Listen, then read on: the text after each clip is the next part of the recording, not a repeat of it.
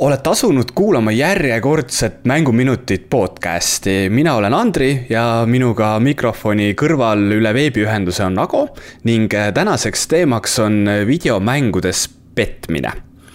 Ago, palju sina oled tegelenud sellise imeliku kontseptsiooniga nagu mängudes petmine?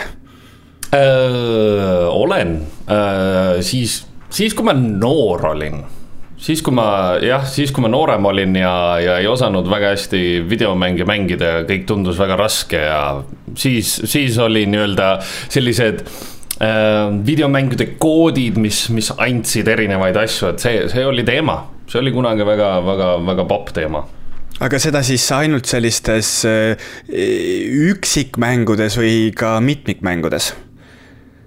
Üksikmängudes, mitmikmängudes äh, ei ole mitte kunagi ja ei taha ka, sest see võtab terve selle lõbu ära, mis, mis on mitmikmängus, ehk siis sa pead aega sinna panema ja, ja noh, mitmikmängud töötavad niimoodi, et mitte keegi ei siis peta.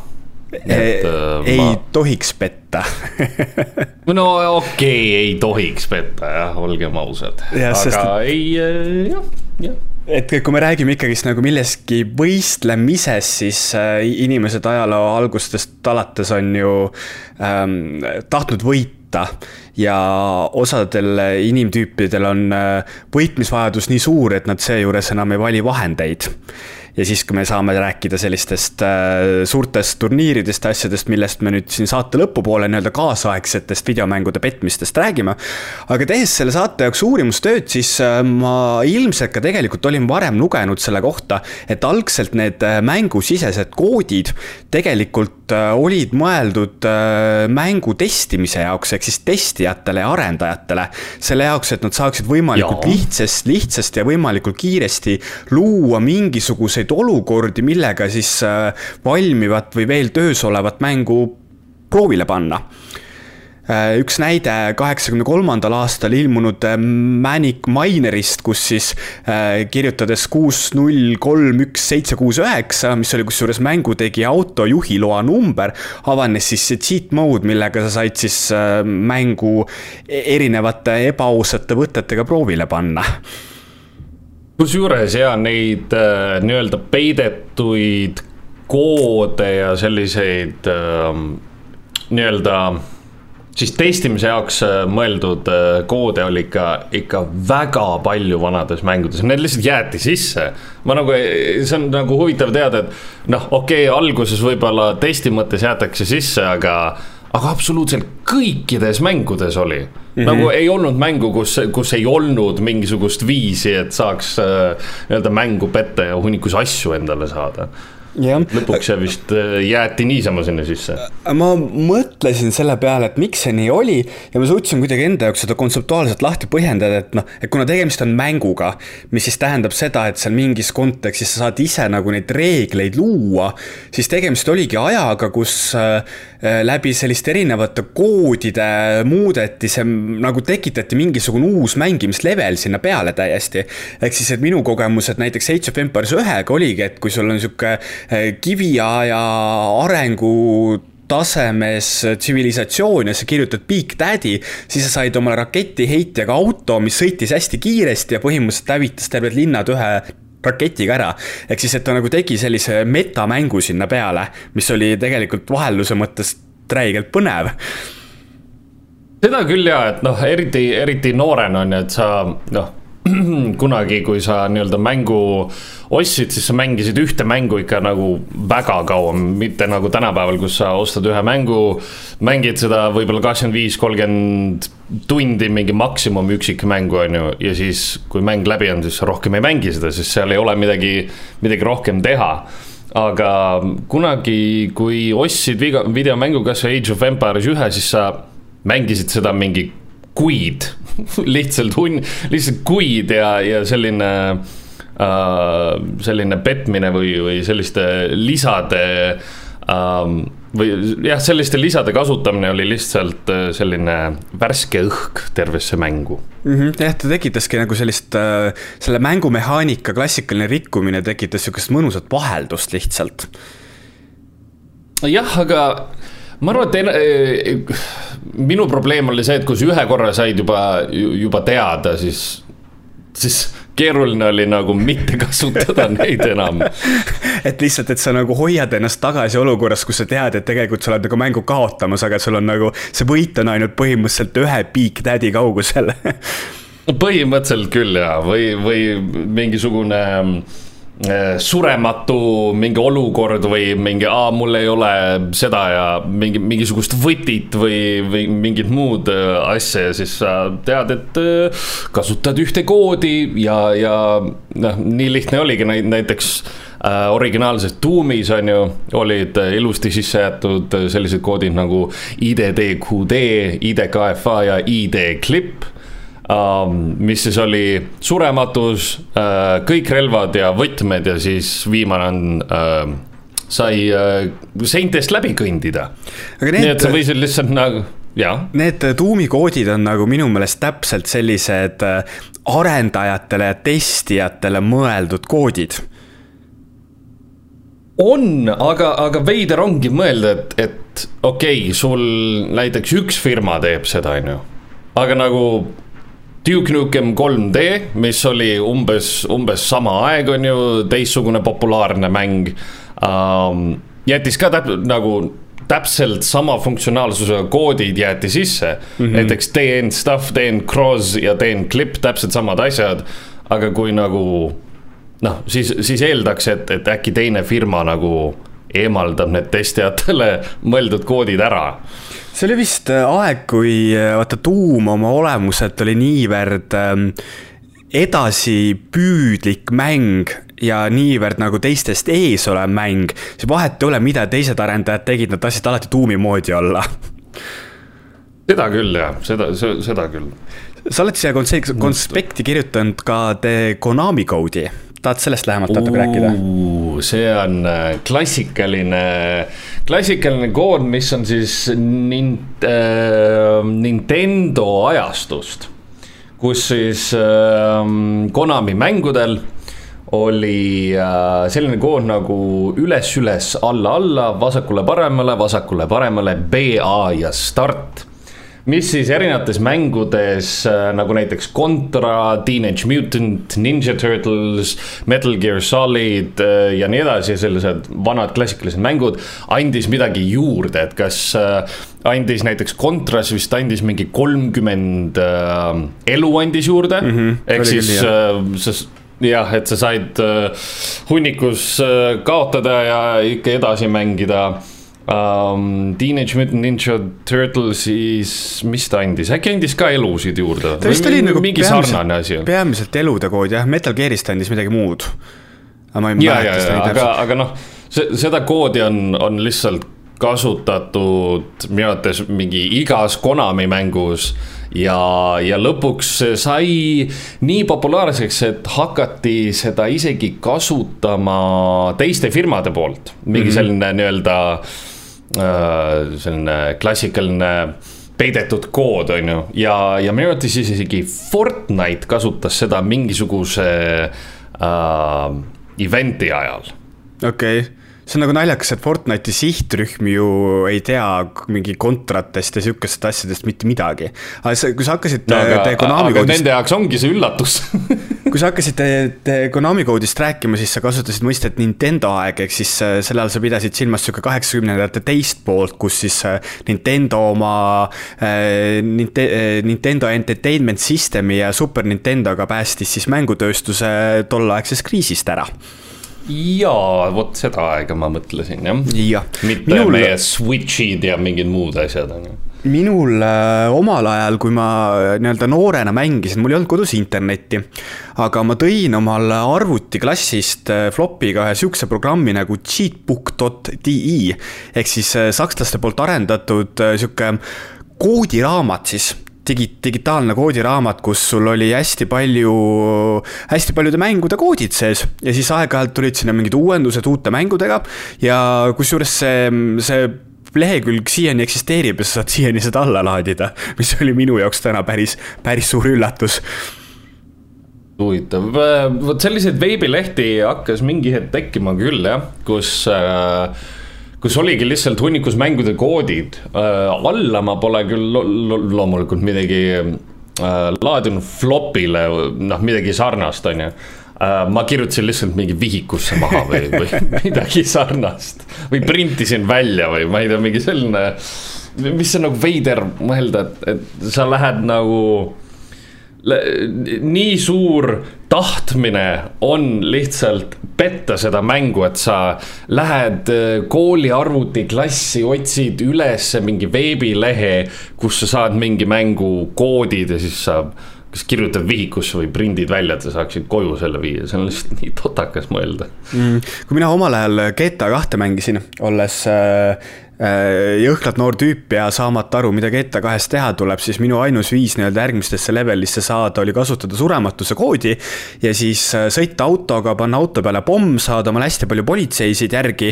ja siis äh, nii-öelda, kui politseid tegid sulle selle teetõkke, siis tekitada moment, kus sa lihtsalt paned hästi palju autosid plahvatama korraga aga seal oli hästi oluline, oli see, et sa ei tohtinud ise autosse kinni jääda, sest et kui auto plahvatas ja sa olid seal sees, siis surematuse kood ei töötanud. või teine võimalus oli see, et politseinikel oli sind võimalik autost välja tõmmata ja siis samamoodi sa said surma. aga see hetk, kui sa olid nii-öelda autost väljas ja siis auto plahvatas, siis sa võis nagu noh, eesmärk oli ju see, et järgmisse levelisse said X summa raha eest ja autosid plahvatama pannes sa teenisid raha seal mängus ja, ja mäletan, mäletan ja oli isegi koodid, et sai vist mingi kõik relvad või mis iganes. ja, ja täpselt, täpselt, täpselt mm. -hmm. aga üks kõige siukseid eredamaid mälestusi mul, ma arvan, et oli Simsi seeriaga, kus siis äh, nii-öelda rahakoodi ehk siis sime, simoleonside koodi kasutamine tekitas nagu täiesti uue sellise metamängu sinna peale. sest et noh, sul oli võimalik omale lõpmatu arv raha teha, aga sul ei olnud võimalik kasutada koodi näiteks, mis teeb kõik need äh, Simsil elus olevad, elus olemiseks vajalikud tingimused heaks, näiteks ala mingi magamine või energia või äh, tühi kõht või kõik sellised asjad, et sa sellega ikkagi pidid Jaa. tegelema. ja see oli selline huvitav seos, kus äh, mina esimest korda tundsin, et raha eest ei saa kõike osta. ehk siis, et mul võis hästi palju raha olla, aga ma suutsin ikkagist need Simsid ära tappa kogu aeg aga, aga see oli nagu selline hea kood, sellepärast et Simsist ei saanud mit-, mingisugune ellujäämiskursus, vaid, vaid see oli rohkem selline mm, arhitektuuriline simulaator lõpuks, sellepärast et äh, mis mulle väga meeldis teha, oli lihtsalt maju ehitada. ehitada äh, nagu perfektselt mulle vajalik maja ja kõik need, need uhked arvutid, mis maksid nagu nii-öelda mängusiseselt hästi palju, et neid sai sinna panna ja, ja see oli selline huvitav periood, kus kus mind ei huvitanud see nii-öelda originaalmäng, vaid lihtsalt see puhas ehitamine. kusjuures mul on täpselt samamoodi, et mina kasutasingi Simsi kui sihukest arhitektuurisimulaatorit. aga teine kood, mis Simsil oli äh, väga tuus, oli see ähm, nii-öelda mittemuudetavate objektide muutmiskood. ma ei mäleta, mis see täpselt oli, aga a la sellega sa said näiteks oma Simsi hakata ümber tõstma ja Äh, see oli siis see, kus sa said omale nii-öelda isikliku surnuaia teha, kus sa siis äh, tegid basseini, võtsid redeli ära ja siis panid Simsi sinna sisse ja siis vaatasid, kuidas ta ujus nii kaua, kuni energia sai otsa ja ta lõpuks ära uppus. Ja niimoodi, niimoodi need väiksed sadistid sündisidki. No põhimõtteliselt küll jah, aga, aga mitte noh võttes on ju arvesse, kuidas äh, väga paljud inimesed äh, ütlevad äh, näiteks USA-s on ju, et äh, videomängud teevad või vägivaldsed videomängud teevad inimesed vägivaldseks, siis noh, olgem ausad, mitte keegi meist ei viska kedagi kuhugi ma ei tea, ujulasse, võtame redeli ära või nagu väga ei tööta. ja kes see saab nagu nagu noh, basseinis saab ju ka ilma redelita välja, aga kohe, kui sa Simsil võtad redeli ära, siis tal on nagu mingi mm,, kus ma välja saan mm,, ma ei oska, ma nüüd ujun nii kaua. seda küll seda küll, aga ma arvan, et kas äh, mitte see ei parandatud ära hil-, hilisemates äh, versioonides, kus nad lihtsalt tulid välja basseinis? see parandati ära, aga inimesed nõudsid, et see toodaks tagasi ja siis EA-le ei jäänud midagi muud üle, kui see toodi tagasi. sest et tegemist on nagu sellise, et see ei ole viga, vaid see on feature. Ehk siis äh, sul ei saa Simsi mängu olla ilma selleta, et sa ei saa oma tegelasi basseini ära uputada. Seda küll, seda küll, igasuguseid asju sai teha, küll sai neid kuhugi kööki mingi külmutuskapi taha kinni pandud ja, ja vahepeal juhtus üldse kogemata.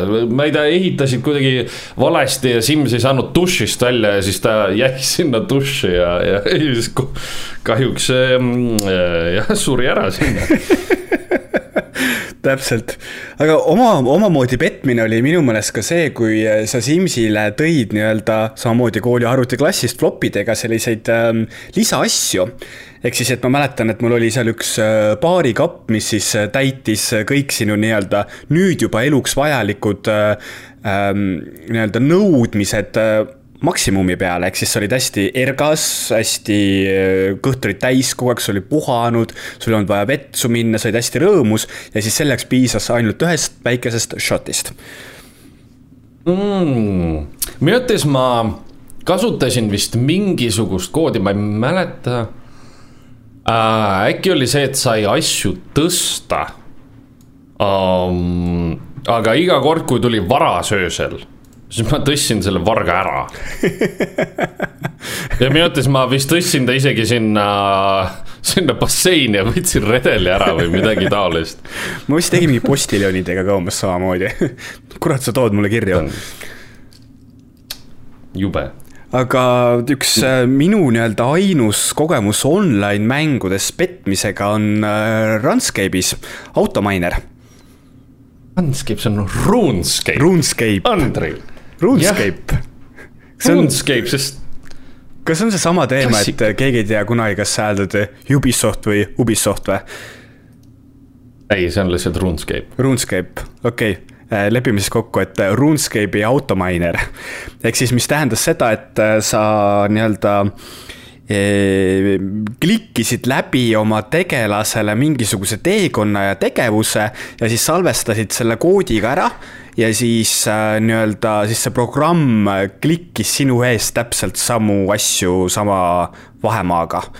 ehk siis, et näiteks, et sa äh, läksid äh, kaevandusse, kaevandasid seal, tulid ära, tõstsid oma asjad äh, panka ja läksid uuesti, uuesti kaevandusse. Ja kui sa tegid selle teekonna läbi, siis, äh, siis äh, läksid kooli ja kaheksa tundi hiljem sul oli päris mitu mining levelit juures jah, tõsi ta oli ja see oli kurb, see oli kurb aeg, sellepärast et äh, noh, mina kui on ju aus äh, online mängude mängija seda ei teinud. ja, ja see võttis ka nii-öelda selle interaktiivsuse ära, sest sa nägid hunnikus inimesi, kes olid noh sellised elutud ja, ja käisid edasi ja tagasi ja tegid seda ja nendega ei saanud isegi suhelda kuidagi mängusiseselt, sest et neid ei olnud kohal mm. -hmm aga noh, mul oli see teema taaskord, et kuna mul väiksel internetti ei olnud kodus, siis see oli nii-öelda ainus viis olla kuidagimoodi võrdne minu sõpradega, kellel oli internet kodus ja kes said minust kordades rohkem seda mängu mängida no mina sain ainult äh, laupäeval ja pühapäeval mängida alates kella kaheksast hommikul. sellepärast, et siis oli mingisugune äh, mingi, mingi diil oli, et, et siis oli internet tasuta okay.. nädalavahetusel. Ja, ja siis ma ärkasin hommikul kell kaheksa üles, panin kõrvaklapid pähe ja kuulasin Linkin Parki ja Korni ja, ja siis kaevandasin ise mingisuguseid mineraale või, või, või kogusin puitu või, või kalastasin või midagi taolist, ju, ju väga tore oli. Mingi seitsmeaastasele. Aga minu äh, viimase aja kõige negatiivsemaid kogemusi mängudes petmine oli mm, Originiga kus siis, äh, kuna ma kasutan tegelikult Origini väga vähe, tegemist on siis see EA nii-öelda online mänguplatvormiga. ja mul vist tuli mingisugune hunnik kirju ja ma ei süvenenud neisse kõikidesse kuni üks hetk ma proovisin oma EA kontoga sisse logida ja äh, mulle teavitati, et minu Battlefield on ära bännitud. ehk siis äh, Battlefield viis mille ma ostsin kalli raha eest ja tahtsin oma tolleaegse elukaaslasega seda koos mängida, kuni ma siis avastasin, et oi, näe, vaata. mul on, minu kontosse oli sisse logitud vist kahepäevase vahega Vietnamis, Hiinas, USA-s ja Venemaal ja, ja siis ilmselt oli mingisuguseid asju minu nende mängudega seal tehtud ja siis äh, oli pandud bänn peale. ja no, minu äh, EA-ga suhtlus kestis umbes kaks kuud sellel teemal kuni nad äh, lõpuks siis teavitasid mulle, et ähm, bännimisotsus on lõplik ja ei kuulu edasikaebamisele, kaebamisele ja nemad oma uurimustöö tulemusena selgitasid välja, et ikkagist mina olen pet-, pettur Andrei, miks sa selline pettur oled, mis sul, mis, miks ja. sa mängid Battlefieldi, sõjamängu ja, ja petad? täpselt, miks ma, miks ma tegin seda ja miks ma logisin kahepäevase vahega mingi Hiinas, Vietnamis ja USA-s mängu sisse? no äkki käisid reisil, ma ei, ei tea. päris hea reis pidi olema, ma arvan ainult lennukis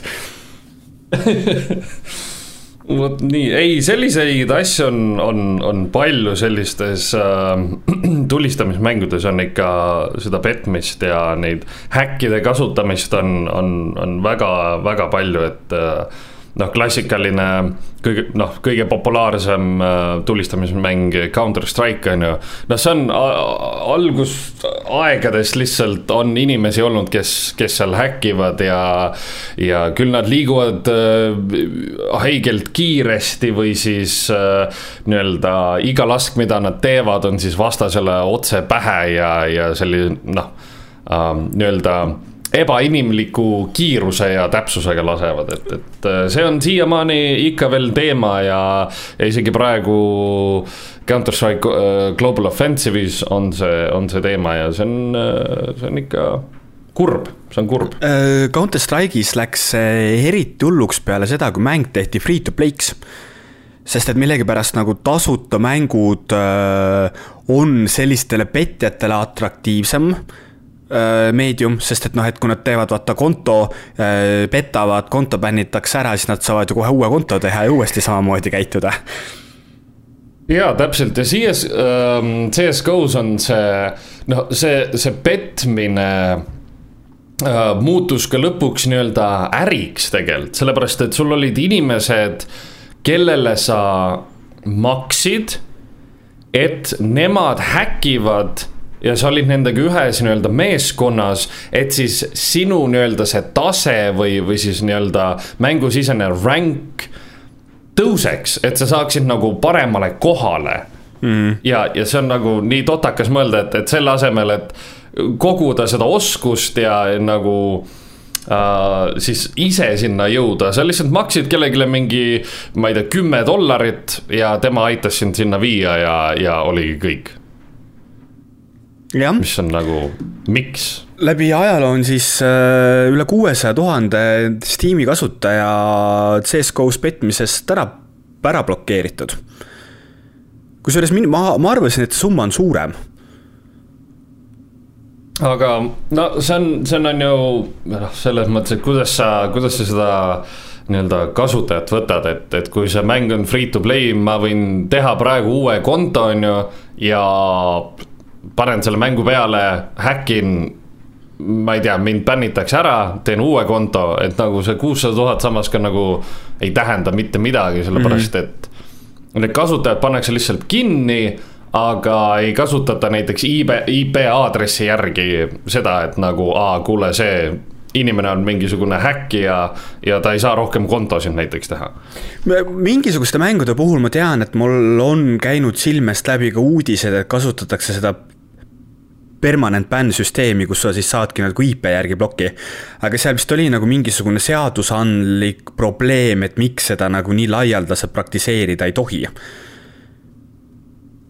võib-olla tõesti, ma ei ole väga, väga uurinud seda. aga igal juhul Valve, kes siis on nagu Steam'i ja CSGO arendaja, nemad investeerisid aasta kaks tuhat kaheksateist äh, nii-öelda siis petturite tabamiseks ähm, raha tuhande seitsmesajasse protsessorisse, mis siis korraga jooksutab ai-d ehk siis tehisintellekti, mis siis jälgib mänge ja analüüsib seal toimuvat selle jaoks, et siis võimalikult äh, lihtsaks ja automatiseerituks petturite tabamine teha väga hunnikus palju protsessoreid. jah, et mõtled, sul on nagu mingisugune suur tehas kuskil, kus on siis kõik need äh, masinad jooksevad, et, et aa ah,, et mis, mis siin siis tehakse ja siis kallid lapsed, see on see tuba, äh, kus äh, arvuti jälgib teid, kui teie ei oska ausat mängu jälgida põhimõtteliselt küll, aga, aga CS äh,, CS-GO-s lisati ka selline asi sisse nagu äh, mingisugune Overwatch süsteem, kus siis mängijad ise saavad vaadata põhimõtteliselt siis äh, CS-GO annab sulle mingisuguse suvalise mängu. keegi on seal siis äh, mängusiseselt äh, raporteeritud, et ta nii-öelda häkib või petab mm. -hmm. ja siis sa ise vaatad seda nii-öelda um, replay'd ja, ja pead nagu aru saama, et kas, kas see, see mängija siis nagu häkkis või ei häkkinud, et kasutatakse nii-öelda seda mängijate baasi ka ära, et uh, tuvastada neid, neid häkkijaid. aga see võib ju samamoodi olla, et see pigem nagu siis teenib seda ai-d paremini äh, märkama selliseid asju, et eba, ebainimlikke asju võib-olla küll, aga noh, samas see, see Overwatchi süsteem on, on, on nii äh, see ei mõeldud väga hästi läbi, et sa pead absoluutselt terve selle no nii-öelda selle replay siis nagu läbi vaatama, mis sest, et äh, enamus ajast sa said esimese minutiga aru, et aa ah, jaa, see, see tüüp häkib, sellepärast et ta jookseb terve kaardi peal ringi mingisugune viissada kilomeetrit tunnis nagu mm, -hmm. nojah mäletan, et äh, mängutööl, äh, kui me CSGO turniire tegime, eriti neid kvalifikatsioone, siis ka meil paar korda oli selliseid äh, replay'de väga põhjalikke vaatamisi tuli teha selle jaoks, et siis saada aru, kas see tõesti see hüppe pealt mingisugune headshot läbi tule või tossu oli, oli ausa mängureeglite järgi või mitte ja, ja ikka see on turniiridel suht, suht tavaline asi, et suurtel turniiridel ja sul on hästi palju äh, suuri nimesid jäänud vahele äh, häkkimisega. laivis istuvad sul lava peal ja, ja neil on kuskil hiire sisse, kuna hiirtel on tänapäeval on ju mingisugune Uh, nii-öelda mäluseade on olemas, kus hiire sisse on siis kodeeritud häkk mida nad siis mängusiseselt kasutavad mm, -hmm. mis on totakas. ehk siis jah, kuni sinnamaale välja, et sa ei tohi enam nagu turniiridel oma hiirt ja klaviatuuri võtta kaasa, sellepärast et jah, need võivad e eelprogrammeeritud olla sind paremini mängima. põhimõtteliselt küll jah, ja, ja noh, need inimesed on ju lastakse igasugustest meeskondadest lahti ja, ja antakse, ma ei tea, mingisugune eluaegne keeld üldse ühelgi CS-GO turniiril osaleda, mis on siis nagu, kas see oli tõesti väärt seda mm? -hmm. no aga noh, sama ju kehtib ka dopinguga, et kas see nagu on siis väärt seda, et sa umbes neli või kuus või kaheksa aastat oma nii-öelda keha kõige paremas ajas ei tohi mitte üheski ametlikus võistlusest osa võtta seda küll, seda no, küll. see on seesama, millega me tänast podcast'i ka alustasime, et osade inimeste see soov võita või vajadus võitmise järgi on nii meeletu, et, et nad teevad seda vahendit valimata tõsi ta on, tõsi ta on. Ähm, lugesin ka nüüd eelmisel suvel olnud esimesest äh, Fortnite World Cupist, kus siis äh, online'i äh, avatud turniiril said nii-öelda keelu edaspidi mängida üle tuhande kahesaja kasutaja, mis siis omakorda tähendas seda, et üle kahesajal kasutajal, kes siis tegelikult tuli au, rahalise auhinnaga kohale, et neil võeti auhinnad ära. ja sealjuures kasutati siis mitte ainult äh, erinevaid nii-öelda lisaprogramme, mis siis tegid sinu mängimise paremaks, vaid ka näiteks äh, kontode jagamist, mis on siis äh, samuti defineeritav kui petmine, ehk siis, et mina võtan turniirist osa ja siis annan oma konto sulle, kes teades, et sina oled minust parem mängija, mängid minu kontoga. ning siis tiiming ehk siis, kus äh, äh, üksik äh, kuidas siis öelda nagu üksikmängu mitmikmäng siis või ehk siis mitmikmäng, kus sina, kus iga mees on iseenda eest, äh, tehakse äh, sõpradega siuksed kokkulepped, et me teist maha ei lase või nagu teine teist maha ei lase, et me teeme koostööd hoopis. ja siis see samamoodi on defineeritav kui mängusisene petmine on küll jah, ja see teaming on noh, ikka väga paljudes tulistamismängudes näiteks noh, kõik sellised battle, battle royale äh, mängud, noh. Player unknown's battleground, kõik sellised asjad, et see teaming on, on reaalne asi, kus noh, lihtsalt igapäevaselt, ma ei tea, täna mingisugused kaks-kolm suvalist tüüpi ütlevad, aa kuule, aga lähme mängu üksi, vaatame, kas me oleme ühes mängus ja kui me oleme, siis noh põhimõtteliselt äh, teeme koostööd ja, ja mängu lõpus äh, ma ei tea, kivipaari käärid ja kes, kes saab võitjaks põhimõtteliselt mm. -hmm. ehk siis äh, tehakse kambakas põhimõtteliselt jah, ja see on, see, see rikub ikka mängu, mängu isu, isu ikka korralikult ära. no teine, teine sarnane asi on see stream sniping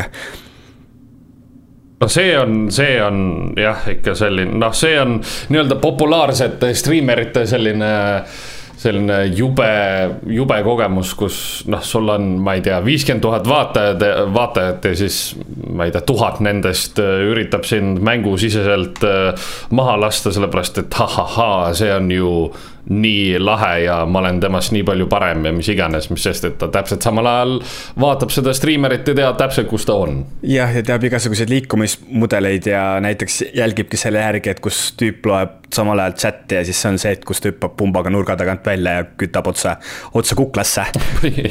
Jep. Aga, aga Fortnite'i arendaja Epic Games äh, ütleb, et neil on olemas äh, real-time teaming detection algoritm, mis siis, äh, mis siis põhimõtteliselt tähendab seda, et samamoodi neil on nagu mingisugune tehisintellekt, mis siis algoritmide alusel äh, peaks tuvastama selle, kas inimesed teevad äh, koostööd, ebaausat koostööd või mitte. Ma kujutan ette, et seda on kusjuures noh, mõnevõrra päris lihtne tekitada, et kui sul on nii-öelda üksikmängu mitmikmäng ja sul on kolm inimest, kes on üksteisega lähestikku ja nad ei tulista üksteist ja jooksevad koos kuhugi, siis noh. siis on juba selge su. suht ja suht ilmselge, et ahah, okei okay,, see nii-öelda see koostöötamine on, on nagu teema.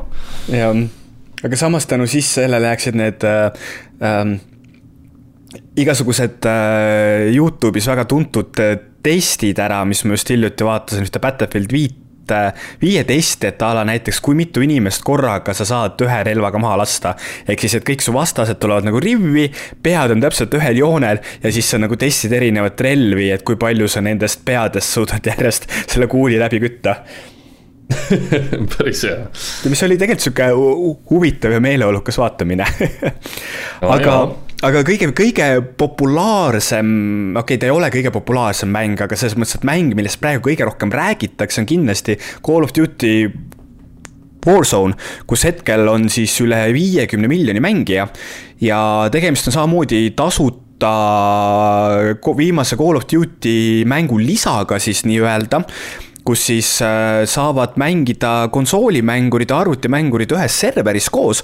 Ja kuna äh, mängusisene petmine on äh, siiani konsoolide peal ikkagist suhteliselt keeruline, kui ma ei ütleks, et isegi mitte võimatu, sest et tegelikult ma ei ole väga selle valdkonnaga ka äh, nagu lugedes kokku puutunud, aga ma arvan, et kindlasti on midagi välja mõeldud. siis arvuti peal igal juhul Call of Duty Warzone'is petmine on väga, väga levinud asi ja tänu sellele me oleme jõudnud olukorda, kus konsoolimängijad ei taha enam arvutimängijatega koos mängida mis no, nagu jah, see. võtab selle pointi ära. see, see võtab selle pointi ära ja, ja ma ei, ma isegi ei kujuta ette, et, et huvitav, kas siis kuna nii-öelda konsooli peal on see automaatne, mitte, mitte otseselt automaatne sihtimine, vaid sihtimisabi. et yeah. kas siis tõesti sellised kehvemad ähm, arvutimängurid on, on siis nagu kompenseerinud selle suhtes, et aa, kuule, aga ma lükkan ka mingi sarnase asja peale ja no vaatame, kes nüüd siis parem on.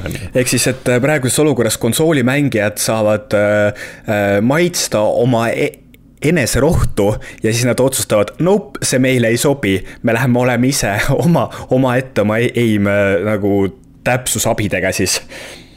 Jah, ja aga, aga seal on ju siis nii-öelda kõik täpsusabiga. Ja, jah, täpselt, ehk siis, et jah, et just nimelt, et tegelikult siis antud uudise järgi tuleb välja, et konsoolimänguritele hoopis ei meeldi võrdne mäng põhimõtteliselt küll. Jah, aga see on, siis, see on absoluutselt teine teema. Seal on siis äh, tänaseks üle seitsmekümne tuhande kasutaja on bänni saanud ja noh, tegelikult kui nüüd nagu aus olla, siis see seitsekümmend tuhat kasutajat sellest viiekümnest miljonist on ikka väga väikene protsent. No see on ikka üüratult väike, ma arvan, et ähm, need, neid, neid kontosid või mängijaid, mis seal viiekümnes miljonis on, kes nii-öelda häkivad, ma arvan, et see on üüratult suur. Kindlasti, kindlasti on ta suurem kui see seitsekümmend tuhat ja ma, ise ma järjest enam loen, et ka tegelikult inimesed ei mängi enam seda Warzone'i nii palju, sellepärast et need petjad on neile nii halva kogemuse jätnud. No jah, selles mõttes, et see iga, igasuguses mitmikmängus rikub terve selle tuju ära, et vahet ei ole, milline nii-öelda mitmikmäng, mäng või, või sõjamäng või tulistamismäng, see on see lihtsalt rikub tuju ära, sest sa, sest noh sa lähed nii-öelda mängu, sa tahad pingutada, sa tahad selle võidu kätte saada, aga noh, mis ei ole pointi pingutada, kui sul on mingi tüüp, kes lihtsalt häkib ja laseb kõik maha koheselt ja mingi mitte mingisuguse loogikaga ja, ja, ja kui see juhtub sul, okei okay,, kui see juhtub, ma ei tea, üks kord nädal äh,, üks mäng, okei okay,, juhtub, on ju, aga kui see sul konstantselt juhtub, siis äh, noh, pole mõtet seda mängu mängida, on ju. Jah, aga üks praktika, mida mänguarendajad, sealjuures Call of Duty Warzone'i arendaja on hakanud äh, rakendama, on see, et äh, äh, nii-öelda need petjad, enne kui nad päris bänni saavad, pannakse ühte serverisse omavahel mängima. ehk siis, et äh, antaksegi siis neile maitsta, et mis siis tunne on nii-öelda selles teises rollis olla. aga kui ma ise nagu mõtlesin selle peale, et nagu kui sa et see, mis sellesse nii-öelda petjate serveris toimuma hakkab, see võib tegelikult nagu päris huvitav vaadata olla, kasvõi kõrvalt. kui sul nagu tõesti kõik need äh, aimbot'id ja aim, aim'its, assist'id, igasugused muud tüübid äh, mängivadki ühes serveris, et mis, mis see siis nagu on seal ma ei, ma ei kujuta ette, see võib täielik kaos olla ja, ja mingid, mingid mängijad surevad kuskil mingi kilomeetrite kaugusel ära, sellepärast et lastakse snaipriga kuidagi mingi eriti veidralt ja, ja kõik need surmad, ma kujutan ette, tulevad väga kiiresti jah, see on samamoodi nagu Call of Duty's on see mitmikmängulaad, mis siis on, mis see nimetus oli, mis nagu peaks siis reaalelu imiteerima? nii, see mul ei tulegi nüüd meelde, äh, ma tean küll, mida sa mõtled, aga, aga kirjeldame siis, et tegemist on mängulaadiga, kus sul põhimõtteliselt inimesed, äh, vastased surevad ühe kuuliga ära ja samamoodi siis nagu sinu tiimikaaslastele on see, on sinu kuulid haavatavad ja sa tegelikult päris täpselt ei saagi aru esimese hooga, kas sinu ette hüpanud tüüp on sinu tiimiliige või mitte aa, sa mõtled siis hardcore mode'i? jah, täpselt hardcore mode'i mm. -hmm. kas seal oli see nii-öelda kaart ka eemaldatud või? Kõik asjad on eemaldatud uh,. sul on lihtsalt ainuke asi, mida sa näed, on noh, sa mängid mängu ja sul on relv käes ja, ja see on kõik, et sa ei tea, palju sul laske on. noh, kui tavaliselt sa näed ekraani peal, et palju sul laske näiteks uh, on alles siis uh, hardcore mode'is sa ei näe seda, sa ei näe kaarti, mitte midagi ei ole näidatud sulle mm.. kunagi Battlefield ühes vist oli see samamoodi sihuke hardcore mängulaad, kus sul siis uh, said vist isegi selle mängupildi mustvalgeks ja hästi siukseks säbruliseks teha. ja siis oli veel mingisugune udu tuli peale ja siis sa põhimõtteliselt ei saanudki mitte millestki aru, kes, kus, mida toimub ja siis jooksid oma nii-öelda selle pumba või mingisuguse käsirelvaga seal kaevikutes ringi ja lihtsalt tapsid kõike. ja said aru, et pärast, et need kaheksakümmend protsenti inimestest, kes ära tapsid, olid sinu tiimi liikmed kusjuures mulle nii meeldivad need äh, hardcore mode'id, sellepärast et noh, kui ma mängin näiteks sõjamängu, eriti Battlefield on ju, kus äh,, kus kujutage ette, et see on nii-öelda selline äh, päris sõja simulaator on ju, või noh, midagi sarnast, siis eeldaks küll, et kui sa vintpüssiga ikka ühte härrasmeest lased kuhugi kerre, siis äh, noh, ta võiks ära surra, on ju. Mhm. aga enamasti, kui sa mängid Call of Duty't või Battlefieldi, sa lased mingisugune pool magasiini mingisugusest äh, automaatrelvast ära ja alles siis võib-olla kukub ta pikali ja, ja see, see nagu kuidagi minu jaoks ei, ei ole väga selline lahe asi, et noh mis, mis sõda see selline on, millest mhm. me ehitatud oleme selles mõttes no aga noh, siis sel, tänu sellele me jõuamegi punkti, et tegelikult ju nagu videomängud on mängud, mis äh, oma olemuselt tähendavad seda, et äh, seal klassikalisi reegleid kui selliseid ei eksisteeri ja. jah, seda küll. ja kui me nagu jõuame punkti, kus siis, et kusmaalt alates on nii-öelda nende reeglite eiramine, petmine, siis mina oma peas arvan, et see tegelikkuses on siis, kui nii-öelda ühes mängus olevad inimesed ei ole nendes reeglites enne kokku leppinud ehk siis, et näiteks mängusiseselt keegi teine allub teistele reeglitele kui sina või mina et siis see sellises kontekstis on petmine. aga näiteks, kui me oleme just nimelt selles Call of Duty Warzone'i serveris, kus kõik petjad on pandud kokku, siis ei ole ju enam nagu petmine, sellepärast et kõik teevad seda seda küll, seda küll, ma nõustun, aga noh, rääkida nagu nii-öelda võttes seda arvesse, et, et kui noh, mängud on siiski mängud, on ju.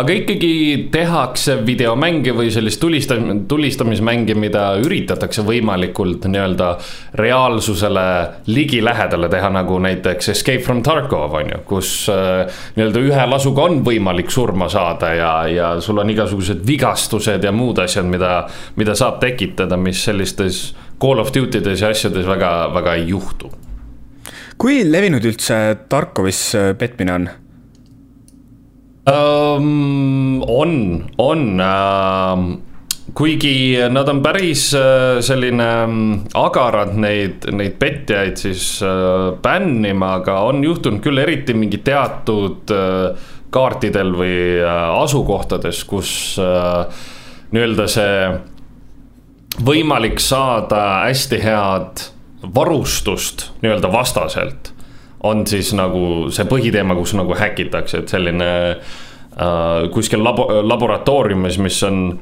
kuhu sa tavaliselt lähed hästi kalli varustusega, et seal neid häkkijaid on ikka, ikka korralikult leitud okei okay,, et see on siis pigem isegi nagu mängu asukoha spetsiifiline jah, et kus on nagu mõtet häkkida ja kus ei ole mõtet? põhimõtteliselt küll, jah. okei okay., see on minu jaoks väga Aga..., väga huvitav kontseptsioon on, aga näiteks äh, hiljuti selline uus mäng, mis nüüd siis on äh, populaarne, on Valorant. ja mulle nii meeldib nende see anti-häkkimissüsteem, kus näiteks, kui sa CS-GO-s mängid ja see äh, ai saab aru, et aa, kuule, keegi häkib, siis see mängija eemaldatakse mängust aga kui see tüüp on sinu meeskonnas, siis mäng jätkub, aga nüüd sa oled neli versus viis. ehk siis sul ei ole ühte meeskonnakaaslast, kus näiteks Valorantis sul tuleb, kui äh, saadakse aru, et keegi häkib, sul tuleb punane ekraan ette, nagu sul on terve ekraan täis punast valge tekstiga. siin mängus on häkkija, see match on nüüd läbi. mis on nagu nii ilus asi, sellepärast et mitte keegi ei taha mängida ilma ühe meeskonnakaaslaseta mm. -hmm. ja, ja seda nii-öelda match'i ei loeta, siis äh, noh, see, see match nii-öelda põhimõtteliselt ei toimunud, et keegi ei kaota mingisuguseid punkte või, või midagi taolist. okei okay nojah, selliseid äh, sarnaseid äh, nagu äh, üksikmängumänge, kus sul siis mitmikmängu osad on mingisuguste edetabelite järgi, näiteks Portal, siis seal ju ka samamoodi, et kui sa oled mingisugust nii-öelda petukoodi kasutanud, siis mäng saab sellest aru ja siis nii-öelda ütlebki mängu lõpus, et kuule, et sa oled cheater. ja siis sinu nii-öelda tulemus siis sinna serverisse ei laeta. ja, jah, ja, jah mm. -hmm. aga. aga see on, see on meeldiv kuidas me siis selle tänase teema kokku võtame, et äh, mina isiklikult arvan, et me mängudes pettimisest kui sellisest ei saa üle ega ümber. nagu ka tavaspordis me ei saa dopingust üle ega ümber kahjuks ei saa, aga huvitav on see, et, et äh, videomängude võistlusel ei ole sul mitte ainult häkid ja, ja petmised, vaid sul on ka reaalsed dopingud. jah, ja eks siis me oleme need kaks tasemet kokku pannud põhimõtteliselt, mis on nagu veel hullem, aga, aga jah, sellest ei saa üle ega ümber ja ma ei usu, et need kuhugi kunagi kaovad, sellepärast et mis sest, et need anti-häkk süsteemid on, on ju nii head, kui nad saavad olla, siis sul on ikkagi mingi tüüp, kes rebib selle lõhki ja, ja teeb mingisuguse häki, mis, mis on sellest, mis on sellest anti-häkk süsteemist parem mm. -hmm, sest jah, seal on see, et need äh, äh kuidas öelda, öeldakse, et äh, parim äh, haiguste ravi on haiguste ennetamine, aga tänapäeval igasugused need anti-cheat'id on siis pigem nagu ravi, aga alati nii-öelda haigused on kaks sammu eespool. põhimõtteliselt küll ja noh, see nii-öelda inimeste tahtmine võita, see ei kao kuhugi ja, ja noh, väga paljud inimesed lähevad äh, siis äh, lihtsate mooduste nii-öelda järgi, kuidas äh, olla parem ja öelda oma sõpradele, et ahahahaa, ma olen nüüd sellisel tasemel ja, ja tegelikult noh, nad ei ole seda ära teeninud kusjuures siia saate lõppu on, ma arvan, väga õige mõte rääkida sellisest huvitavast kontseptsioonist nagu GTA viis multiplayer. Ehk siis, kus arendajad on minu silmis juba nendele häkkijatele käega löönud, et see küll igasugused nagu mingit rahaosa veel võetakse välja, aga noh, minu viimased korrad näiteks, kui ma mängisin GTA viie mitmikmängu, olid minuga samas serveris mingisugused häkkerid, kes muutsid mind põlevaks prilllauaks